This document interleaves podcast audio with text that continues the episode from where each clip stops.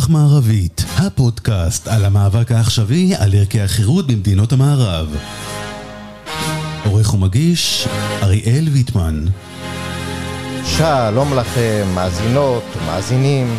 ברוכים הבאים לרוח מערבית. אני אריאל ויטמן, ותודה שהקדשתם מזמנכם להאזין לנו. בשעה שש וחצי בבוקר, בשמיני עצרת, שבעה באוקטובר, כולנו זוכרים מה היה אה, לפני כחודש, אה, מתקפת הפתע של אה, חמאס על יישובי הדרום והעוטף. טבח ברברי, נשים, ילדים, גברים, מבוגרים, יהודים ולא יהודים, כולם נרצחו, משפחות שלמות נמחקו, ילדים נשחטו. ראינו ברבריות וחייתיות שלא חשבנו שקיימים בשנת 2023. עד כה מניין הנרצחים עומד על לפחות 1,400 בני אדם, ומניין החטופים והשבויים עומד על יותר מ-200 אנשים. רגע לפני הטבח הנורא שעברנו כאן, עוד התווכחנו על מחיצות בהקפות שניות ועל המאבק בין דתיים לחילונים. דיברנו גם הרבה על, אה, אה, על הרפורמה או המהפכה המשפטית, אה, והתווכחנו בינינו על נושאים שכרגע לרובנו מרגישים כבר קצת אה, מצחיק וקצת עצוב שעל זה התווכחנו במשך כמעט שנה. אה, אבל אה, אני חושב שכרגע לפחות אה, המתחים האלה נעלמו, אבל אה, כנראה שעם הזמן וככל שנתרחק מה, מהמתקפה הזאת, אז uh, אנחנו צפויים uh, לחזור uh, ולהתווכח על הנושאים שהפרידו בינינו עוד לפני uh, כמה זמן. זה לא סוד שהח... שהחברה הישראלית עוברת טלטלה לא שגרתית בשנים האחרונות, ממערכות בחירות אינסופיות ועד uh, מה שראינו בשנה האחרונה עם הרפורמה סלש המהפכה המשפטית, וכמובן עכשיו עם הטלטלה המטורפת שאנחנו עוברים uh, לאחר התקפת חמאס והכרזת המלחמה uh, על ארגון הטרור הרצחני בדרום. Uh, אנחנו רואים אה, ממש אה, מאז, אה, מאז תקופת הרפורמה וההפגנות, משפחות שנקראו, ויכוחים אינסופיים, שולחן שבת, משפחות שלא אכלו כבר בשולחן שבת ביחד, מרוב אי הסכמה ושנאה הדדית.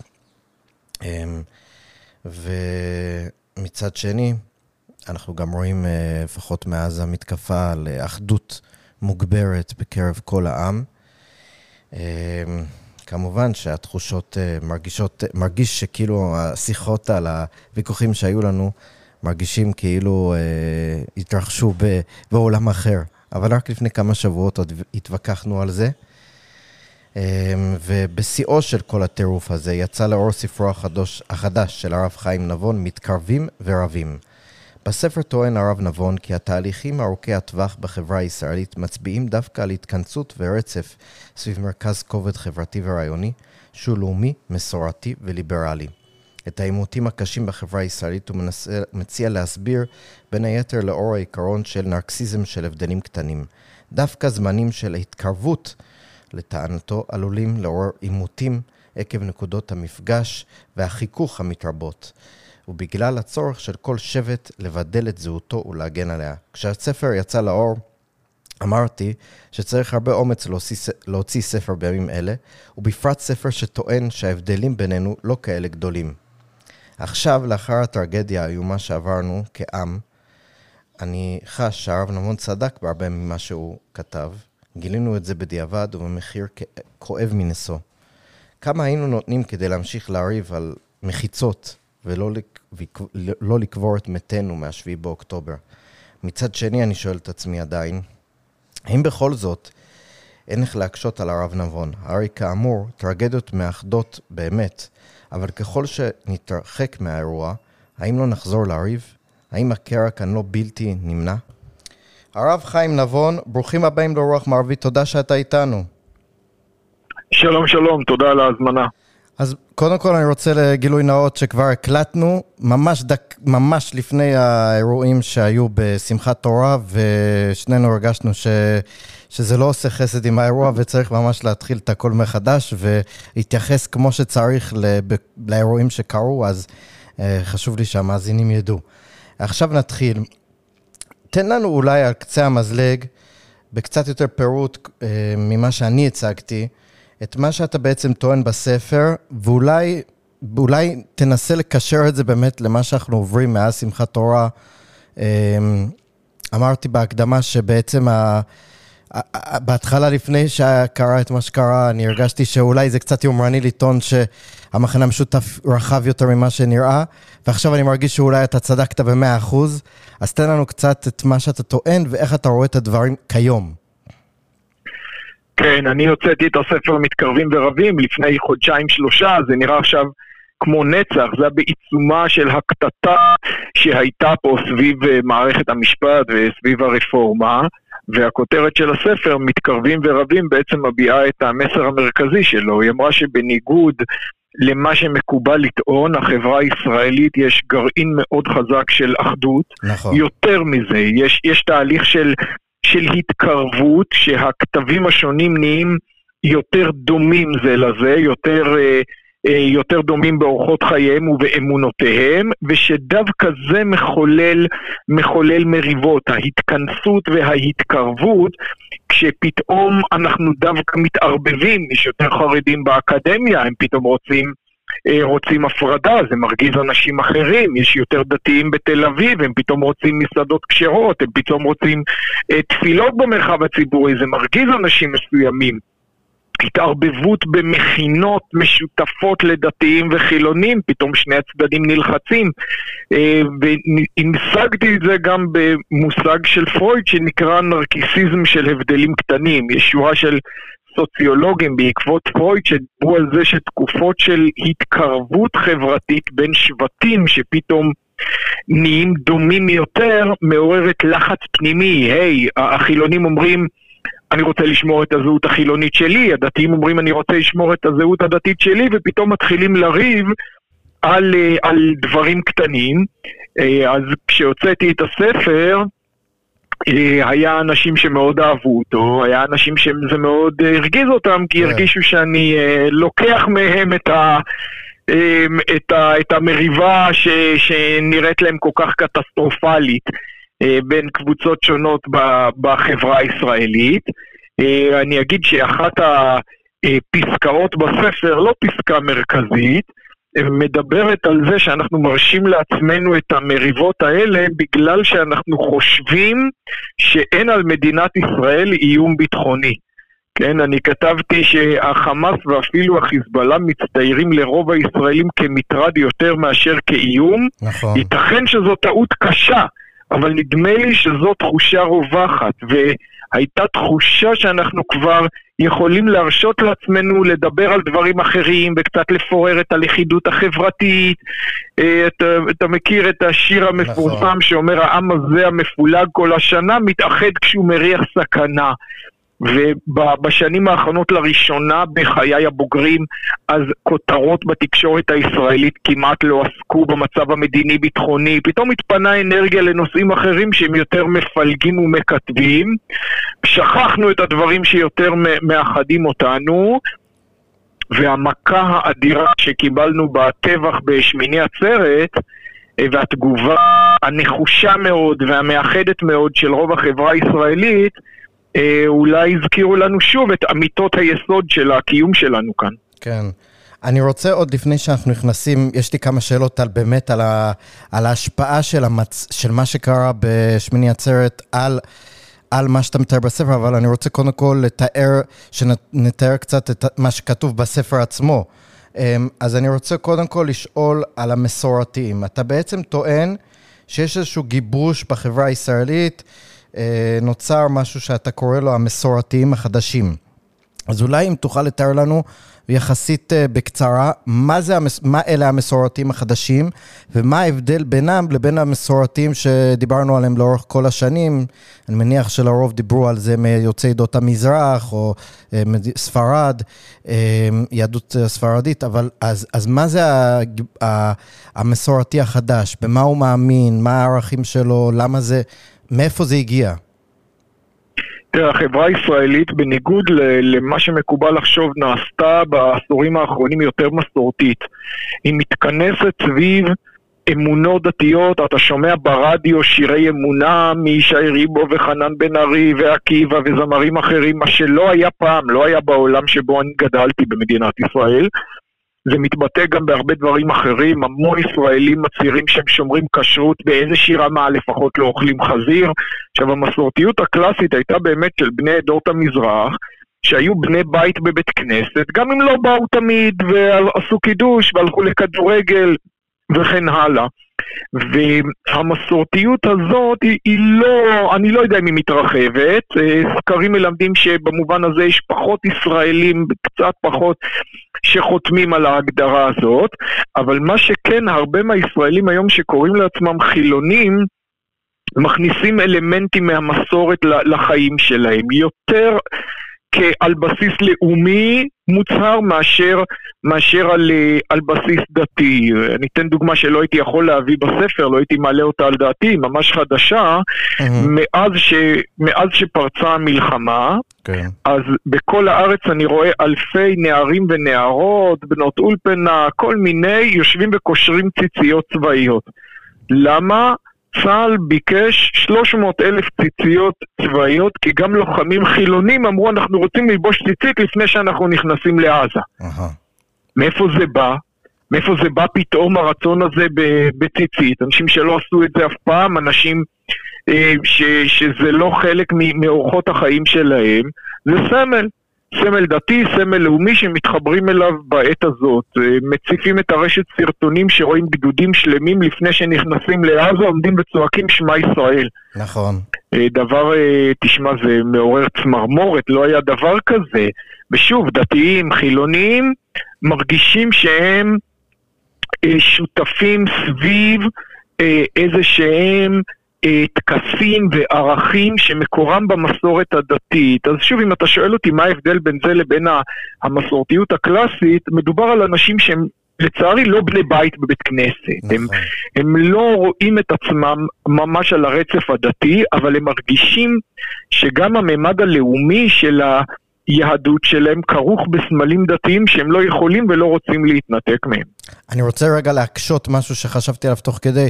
האם מצד אחד אני רואה באמת את מה שאתה אומר, אנחנו רואים את זה כולנו, מצד שני אתה לא מרגיש שגם, אה, דיברנו הרי ממש לפני שמחת תורה וכולם דיברו על, ה, על ההקפות בהפרדה, לא בהפרדה וכל הדברים האלה, אתה לא חש שבד בבד עם עליית המסורתיות הזאת שאתה מתאר, יש גם עלייה ב...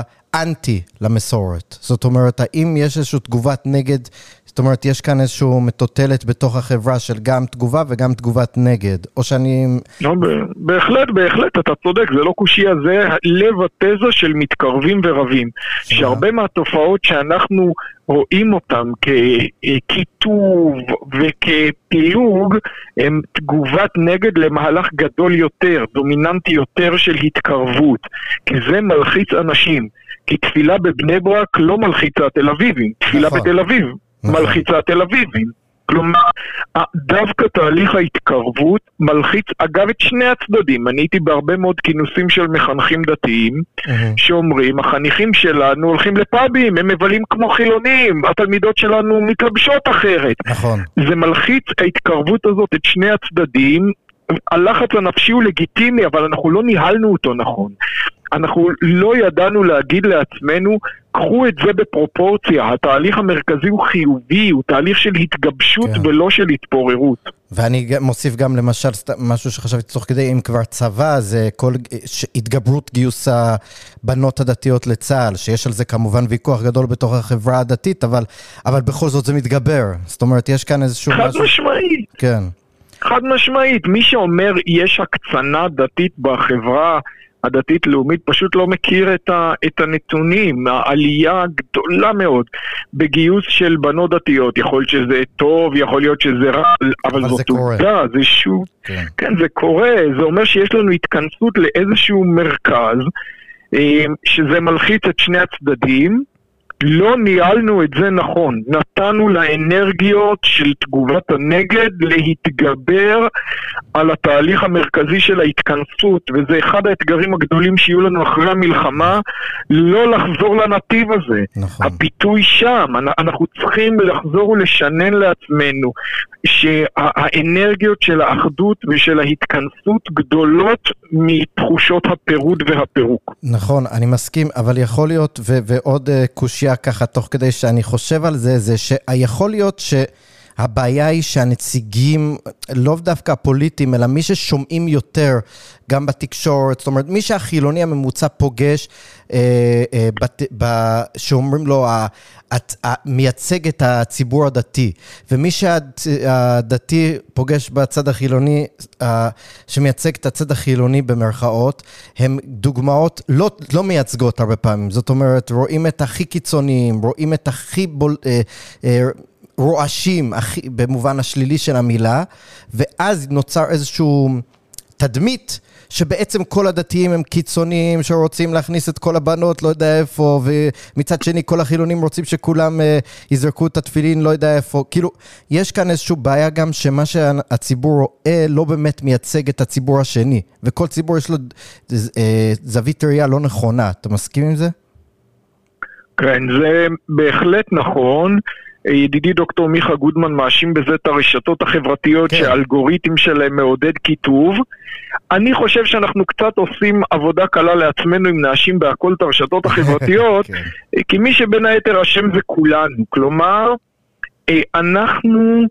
אה, כולנו אה, משתתפים בסוג של שיח אגרסיבי, אנחנו מתגמלים את הנציגים הפוליטיים שלנו על, על אמירות קיצוניות, בסוף מנהיגים פוליטיים מגיבים לתמריצים, וכל מי שהיה אי פעם בכנסת מכיר את המחזה של חברי כנסת שמדברים בשלווה אחד עם השני, ואז פתאום נדלקת מצלמת טלוויזיה ומתחילים לצרוח. כן.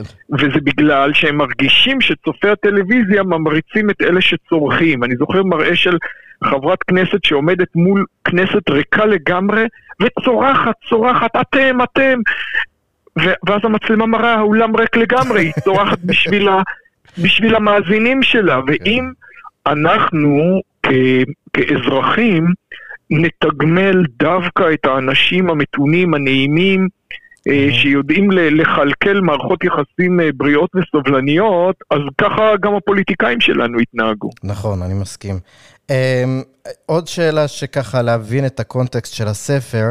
בספר אתה אומר, אה, לפחות להבנתי, שבתחום הלאומי ובתחום המסורתי-דתי, הישראלים אה, בוחרים בשמרנות, בגישה שמרנית, ובתחום החברתי והתרבותי, הישראלים בוחרים דווקא בכיוון מתירני ופרוגרסיבי. אז קודם כל, למה זה לדעתך? למה זה ככה? ומה הגורמים שהביאו את הציבור הישראלי לצעוד דווקא בכיוונים שאולי אפשר לחשוב שהם קצת הפוכים? כן, אני, אני אקדים ואומר שהמלחמה תשנה הרבה דברים ועוד מוקדם לומר באיזה כיוונים. מה שאמרנו על החברה הישראלית לפני, נכון. יכול להשתנות, זה אירוע כל כך דרמטי ומטלטל, מוקדם מאוד מאוד להגיד לאיזה כיוון. אז מה שאני אומר פה נכון לחול המועד סוכות, תשפ"ד, אני לא יודע מה יהיה, מה יהיה מחר, אבל במתקרבים ורבים אני אמרתי שאם לפני 25 שנה היה פה שני מחנות, מחנה דתי, לאומי, שמרני, ומחנה חילוני, אוניברסלי, פרוגרסיבי. היום יש בישראל מרכז כובד עם עקומת פעמון, יש לו זנבות לפה ולפה, אבל יש מרכז כובד, והמרכז כובד הזה הוא במישור הדתי הוא בחר במסורתיות ולא בחילוניות אתאיסטית. במישור הלאומי הוא בחר בלאומיות, כשהשמאל האוניברסלי הקלאסי בסגנון מרץ ואפילו העבודה כמעט נמחק מהמפה נכון. הפוליטית והציבורית. אה, ומצד שני, במישור התרבותי, אז החברה הישראלית כולה, כולל החברה הדתית, נהיית יותר ליברלית, בשוליים גם יותר פרוגרסיבית. כלומר, מצד אחד הרבה יותר סובלנות, לאנשים, הדוגמה שהבאתי גם בספר זה אמיר אוחנה שהוא אה, הומוסקסואל מוצר ואהוד מאוד מאוד בחוגי הימין, כולל הימין הדתי. לצד זה תהליכים של אה, התפרקות המשפחה, הם מאוזנים בישראל על ידי תהליכים אחרים, בסוף נגיד מבחינת ילדים זאת מדינה היחידה בעולם המערבי שיש בה הרבה ילדים, אבל תהליכים של התפרקות התא המשפחתי ראינו גם כאן, שהם אה, תהליכים שבעיניי הם, הם שליליים מאוד. כן. עכשיו, איך בדיוק נוצר התמהיל הזה, זאת שאלה מאוד טובה, אבל צריך לזכור שבתחום המשפחתי והתרבותי ישראל זרמה באותו כיוון כמו שאר המערב.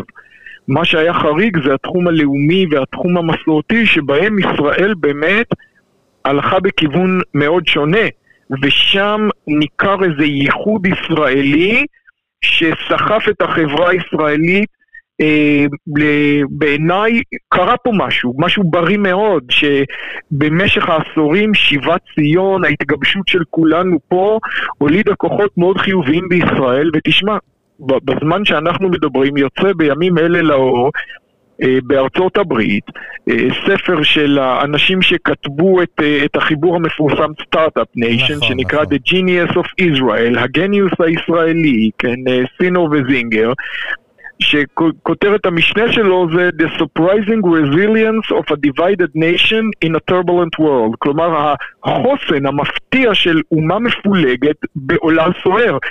הם, הם כתבו את זה, אני מניח, עוד לפני אה, אירועי שמיני עצרת, אה, הספר כבר, אה, כבר אה, ממש ממש אה, יוצא לחנויות, אבל הם הגיעו למסקנות מאוד דומות אה, לדעתי למה שאני מתאר, אפשר לראות את זה מהכותרת ומה, ומהסקירות, ואני אוסיף ואומר ש... מה יקרה בחברה הישראלית עכשיו, זאת שאלה מאוד טובה. אתה רואה עכשיו למשל, אחרי שנים ארוכות של ירידה בשיעור הנישואין בישראל, אתה רואה עכשיו בזמן המלחמה שחתונות המלחמה הפכו לסמל. כן. יש כאן דור שפתאום... אה, שפתאום אה, בשבילו חתונה הופכת לסמל של חיבור ושל חיים. האם זה דבר שיישאר איתנו וישנה את המגמה לטווח הארוך? זאת שאלה שתקבע את הגורל של ישראל בדור הבא במובן מסוים. אנחנו נצטרך לחכות ולראות ולפעול כמיטב יכולתנו.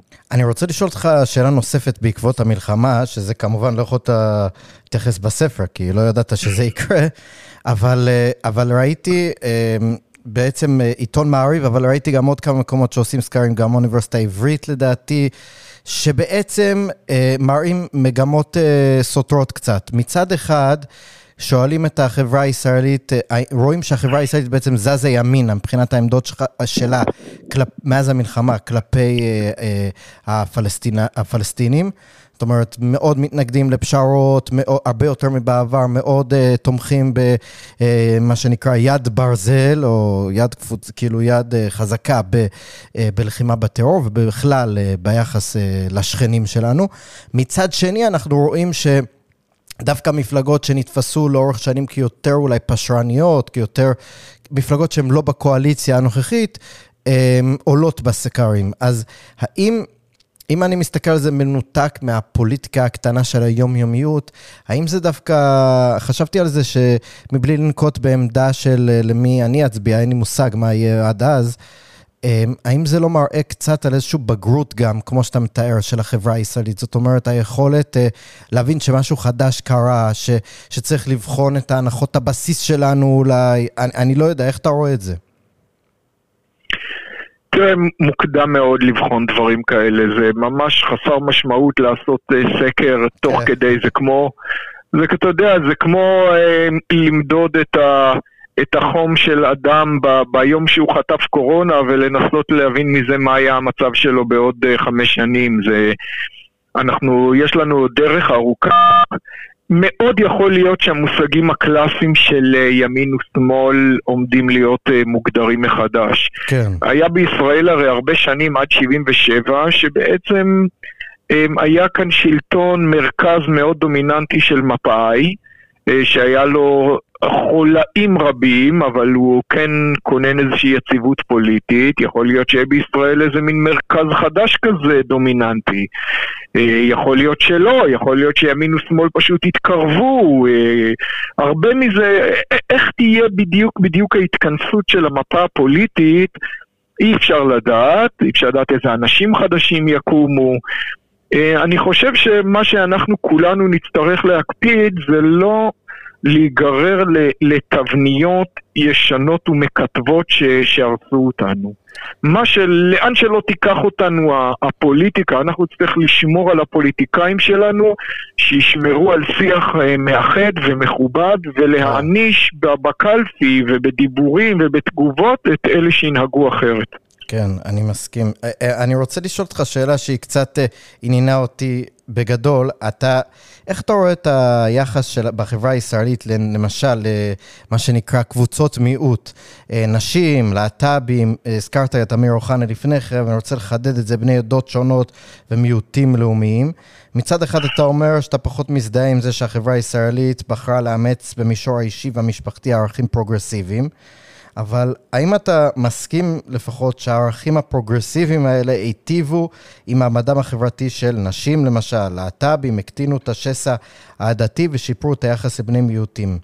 אמ, ואם כן, איך היית משמר את היתרונות האלה, אה, אם גם במישור האישי והמשפחתי והציבורי הישראלי בוחר בערכים שמרניים? זאת אומרת, האם אתה מסכים קודם כל שזה נכון, כמו שטוענים רבים, שהערכים האלה שיפרו את מצב הקבוצות האלה?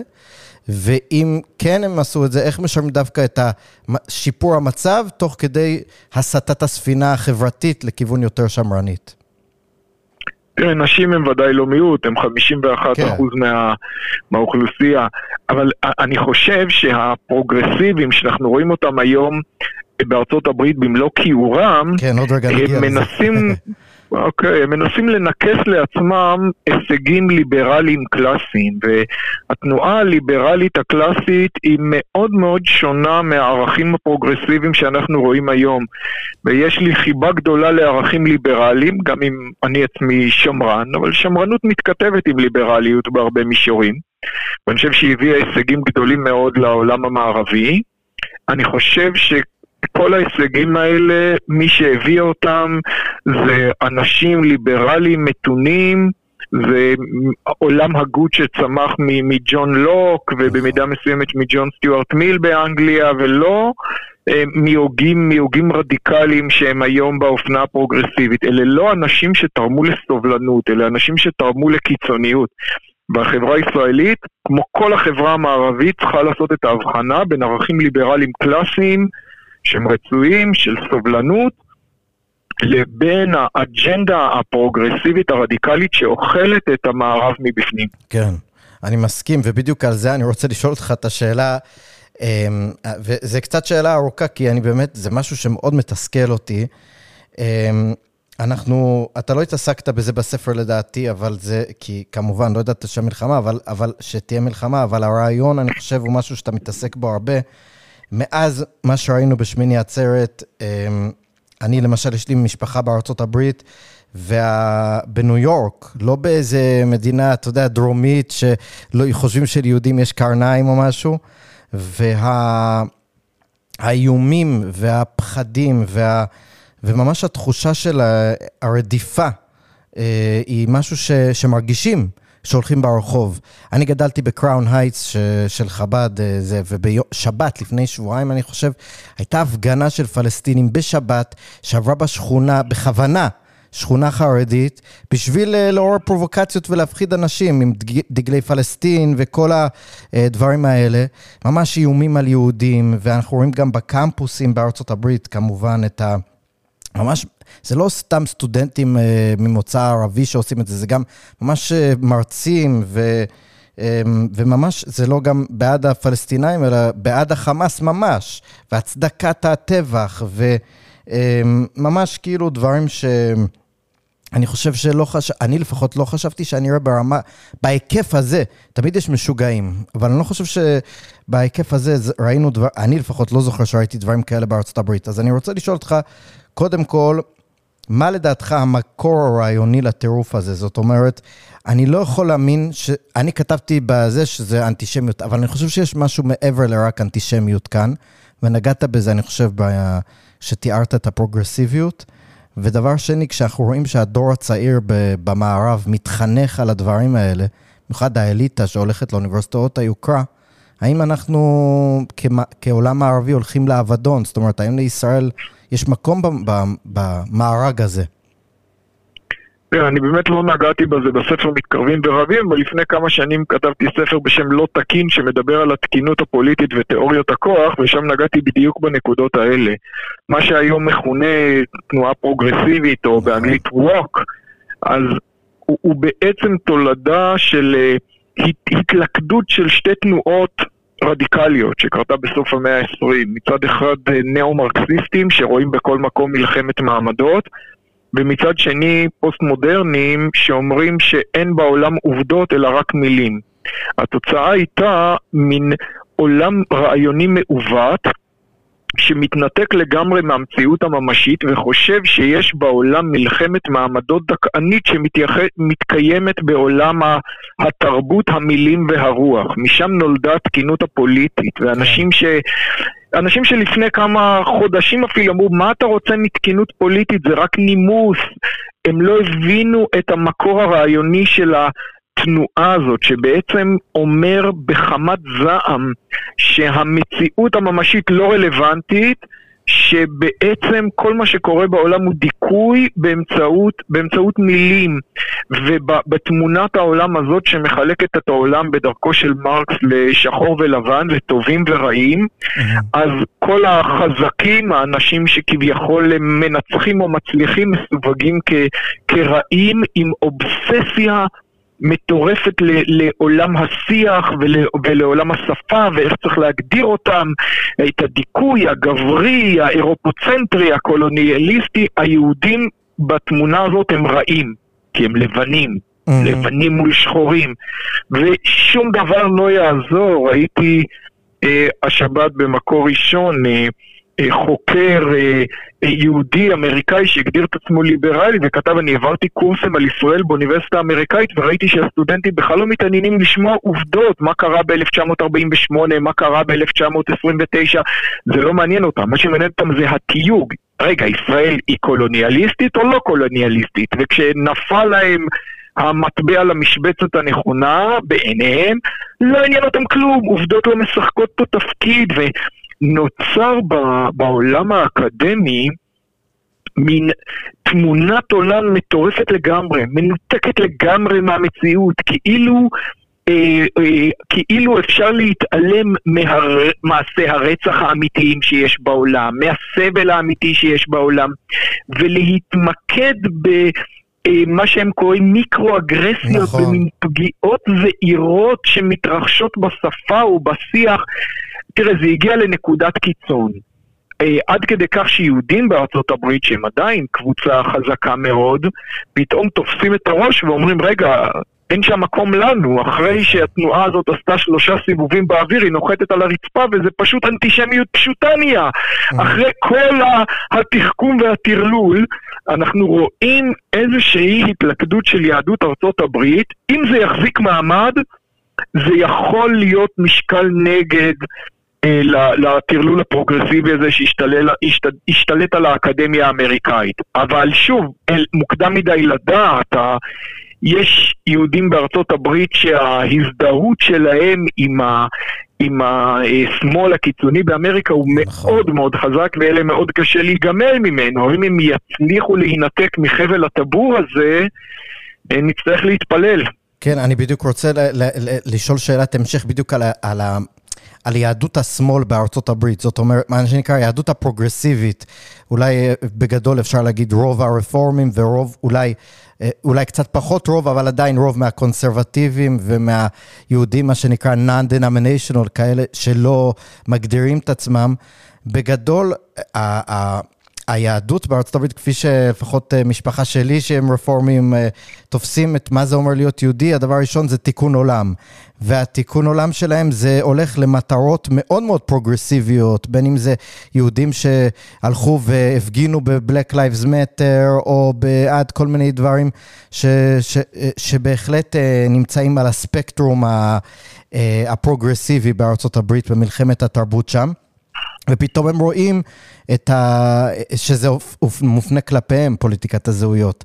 אמ, לדעתך, מהניסיון שלך ככה בקריאת המפה, יש איזשהו... איך מתמודדים עם כזה דבר שכל הנחת היסוד של מי שחשבת שהוא אוהב שלך, פתאום הופך להיות אויב שלך? כי זה באמת, אני מרגיש, קראתי את זה עכשיו, איזה רב אה, רפורמי שכותב, שכחתי איפה זה היה, שבעצם כל האנשים שהוא חשב שתומכים בו, שונאים אותו. זה, יש כאן איזה משבר מטורף. תראה, להמר מה יהיה, אני לא רוצה, ההיסטוריה מלאה באנשים שקראתי השבת ספר של פרופסור יובל נוח הררי, אה, כן. שהוא מהאינטלקטואלים המשפיעים ביותר בעולם היום, ספר שנקרא היסטוריה של המחר, ונכתב לפני שבע שנים. ושם הוא כותב בעמוד הראשון שהמגפות והמלחמות נגמרו בעולם המערבי וצריך לחשוב מה הלאה. את זה היהודי כתב ב-2015. לא הייתי רוצה למצוא את עצמי באותו, אה, באותו מקום.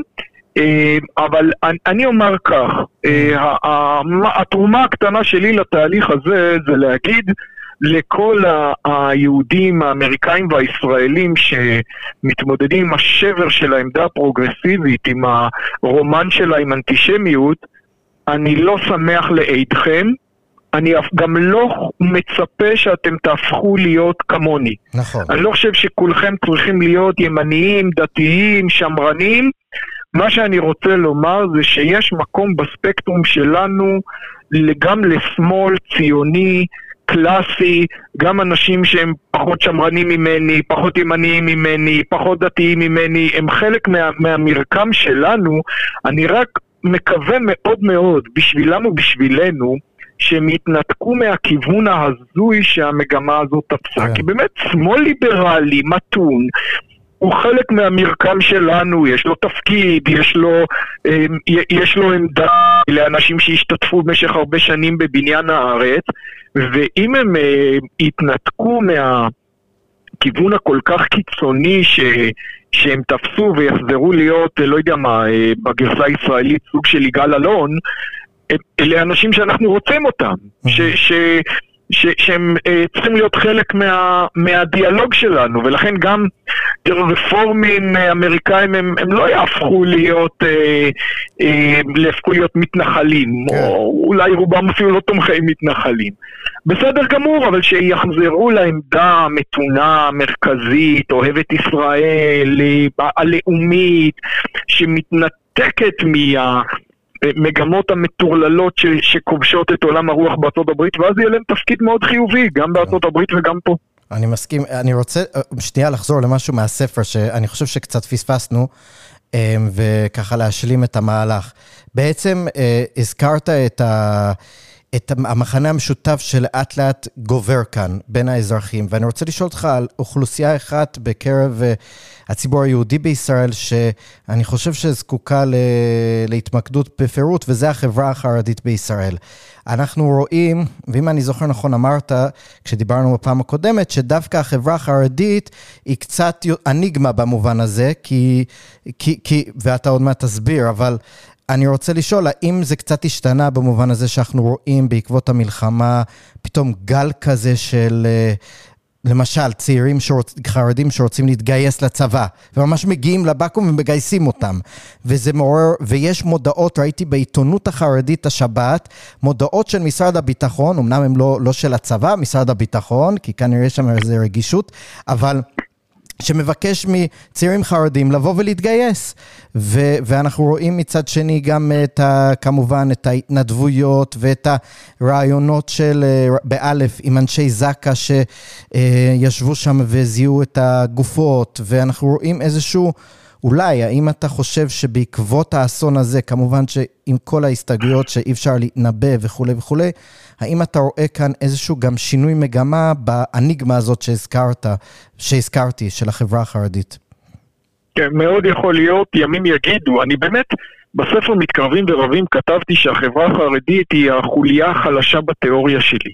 גם שם יש שינויים, יש תהליך ישראליזציה, הצעירים שם הם מאוד ציוניים, הם רואים את עצמם ישראלים, הם, הם מזדהים, ונוצר איזשהו תהליך של התקרבות שאנחנו לא שמנו אליו לב בין הישראלים החרדים לשאר הישראלים. דוגמה שהזכרתי בספר זה כשהרב חיים קנייבסקי, זכר צדיק לברכה, נפטר, אז מכבי תל אביב כדורסל כן. עשו דקה דומייה לזכרו לפני המשחק, שרו התקווה והשחקנים עלו לשחק עם סרט שחור. עכשיו, האם הרב קנייבסקי עצמו דעתו הייתה נוחה מזה? אני לא חושב, והוא לא אהב את התקווה. מספרים עליו שפעם שאלו אותו האם מותר לשחק כדורסל בשבת, אז הוא אמר, מה זה כדורסל? אמרו לו, משחק שמנסים להכניס את הכדור לסל, אז הוא אמר שיכניסו את הכדור לסל ביום שישי ולא תהיה בעיה. אז הוא לא בדיוק ידע מה זה כדורסל, מה זה מכבי, מה זה דקה דומייה, מה זה סרט שחור, אבל... אבל בסוף בסוף העובדה שמכבי תל אביב מציינת את אה, פטירתו של הרב חיים קניבסקי, גדול הדור הליטאי, זה בכל זאת משהו, אבל אני כן ציינתי בספר ששם זה הולך לאט, הבידול מאוד חזק, הם לצבא לא באים לצערנו, ותראה, התגובה שלהם לטבח בשמיני עצרת היא... היא תגובה מדהימה, היא כן. תגובה שאני, שאני לא צפיתי אותה, המאות ואלפים שרוצים להתגייש, ומישהו אמר לי, אבל גדולי הדור החרדים עדיין אומרים לא להתגייס. בסדר, תשמע, אני לא מצפה שהרבנים הליטאים, שרובם בהנהגה הבכירה הם בשנות התשעים לחייהם, אה, פתאום ישנו את עמדתם ב-180 מעלות, אבל אנחנו כן רואים אה, תסיסה חברתית מלמטה, אנחנו רואים שצה"ל בתבונה ובתושייה רבה נענה לה מיד נכון. ופותח מסלולי גיוס גמישים, ותקשיב, זה כל הכבוד לצה"ל, אני לא מאמין שהוא צריך ברגע זה את החיילים האלה, אבל הוא מבין שיש כאן איזה תהליך חברתי שצריך לעודד.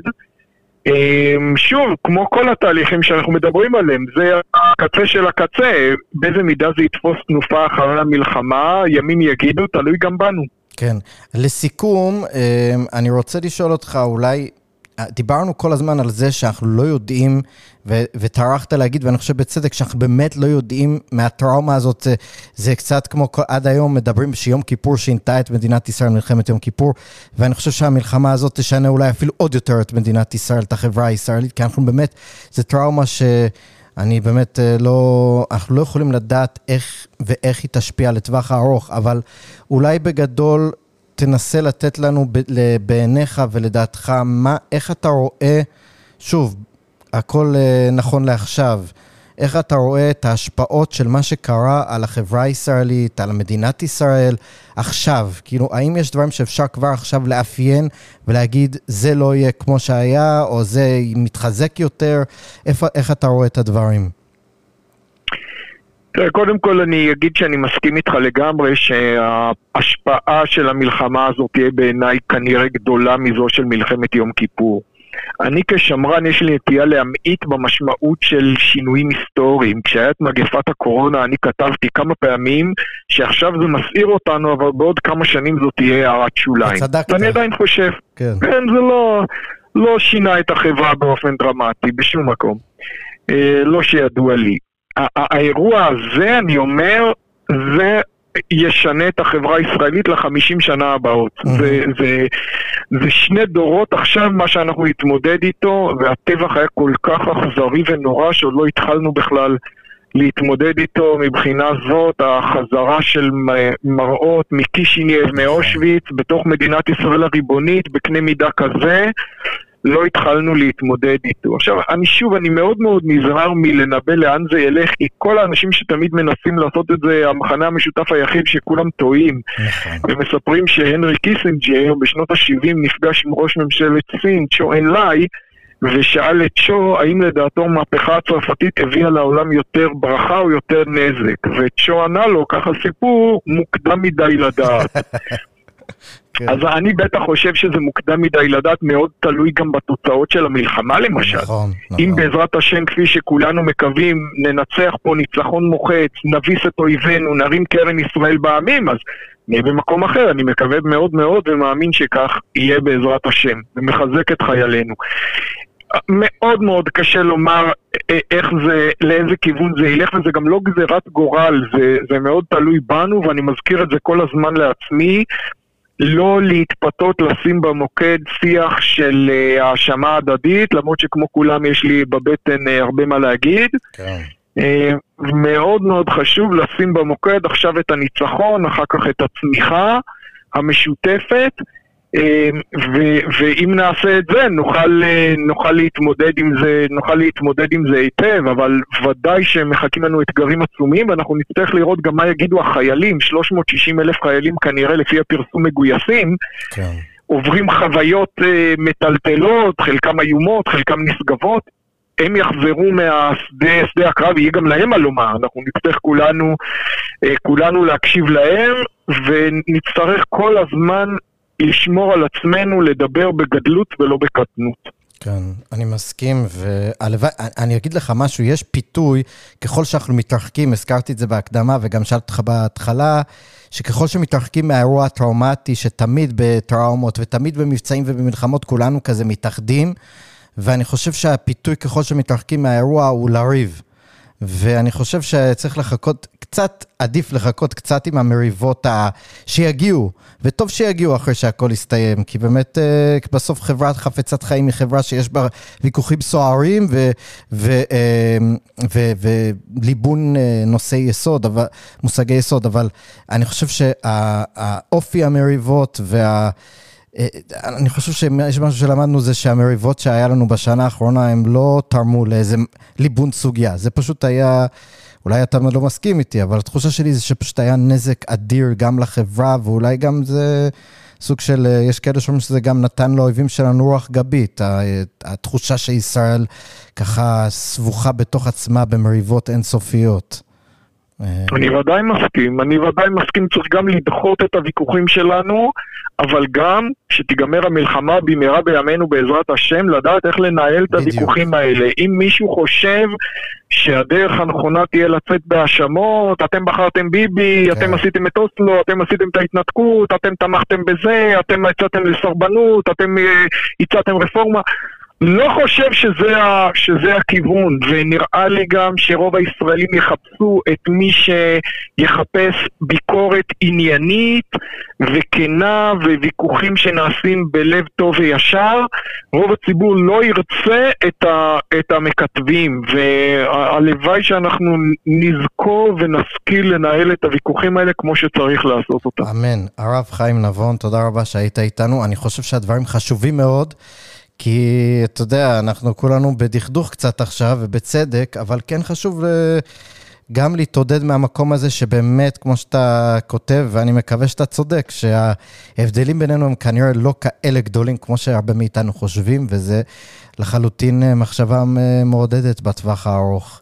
אז תודה רבה, ואנחנו באמת מכאן, אני חושב שזה, כמו שאמרת, שהלוואי שהמלחמה הזאת תסתיים מהר בניצחון.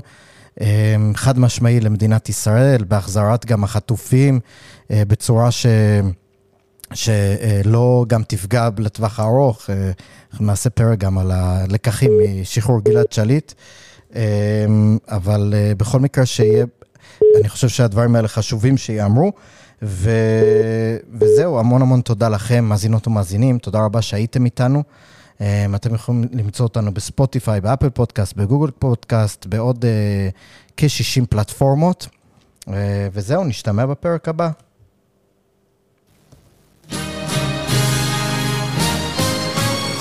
רוח מערבית, הפודקאסט על המאבק העכשווי על ערכי החירות במדינות המערב. עורך ומגיש, אריאל ויטמן.